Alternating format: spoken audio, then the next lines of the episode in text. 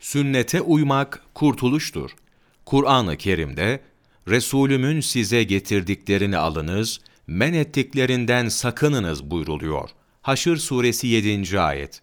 O halde peygamberimize uymak farzdır, lazımdır.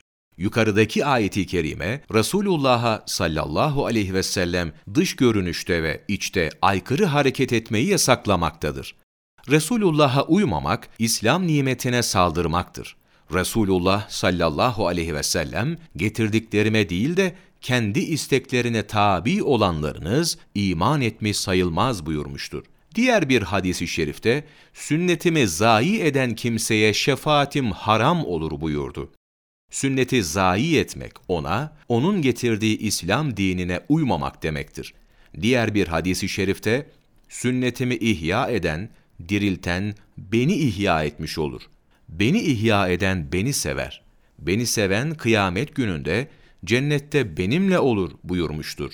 Diğer bir hadisi şerifte sünnetimi muhafaza eden kimseye Allahu Teala dört haslet ikram eder.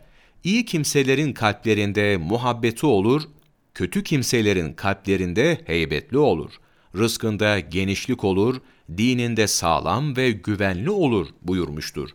Sünnete çok sıkı yapışılmalıdır. Sünnet ile amel etmeli, başkalarını sünnete çağırmalı ve sünnetle hükmedilmelidir. Bir hadisi şerifte, benim sünnetime ve sizi hidayete sevk eden büyük halifelerimin sünnetine yapışınız. Sünnetleri azı dişlerinizle tuttuğunuz gibi sımsıkı sarılın. Yani hepsini yapınız buyurmuştur.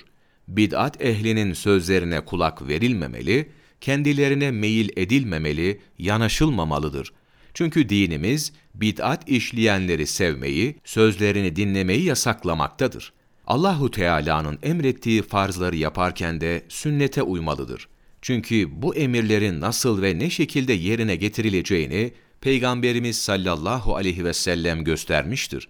Seyyid Alizade, Şiratül İslam, 20 Aralık Mevlana takvimi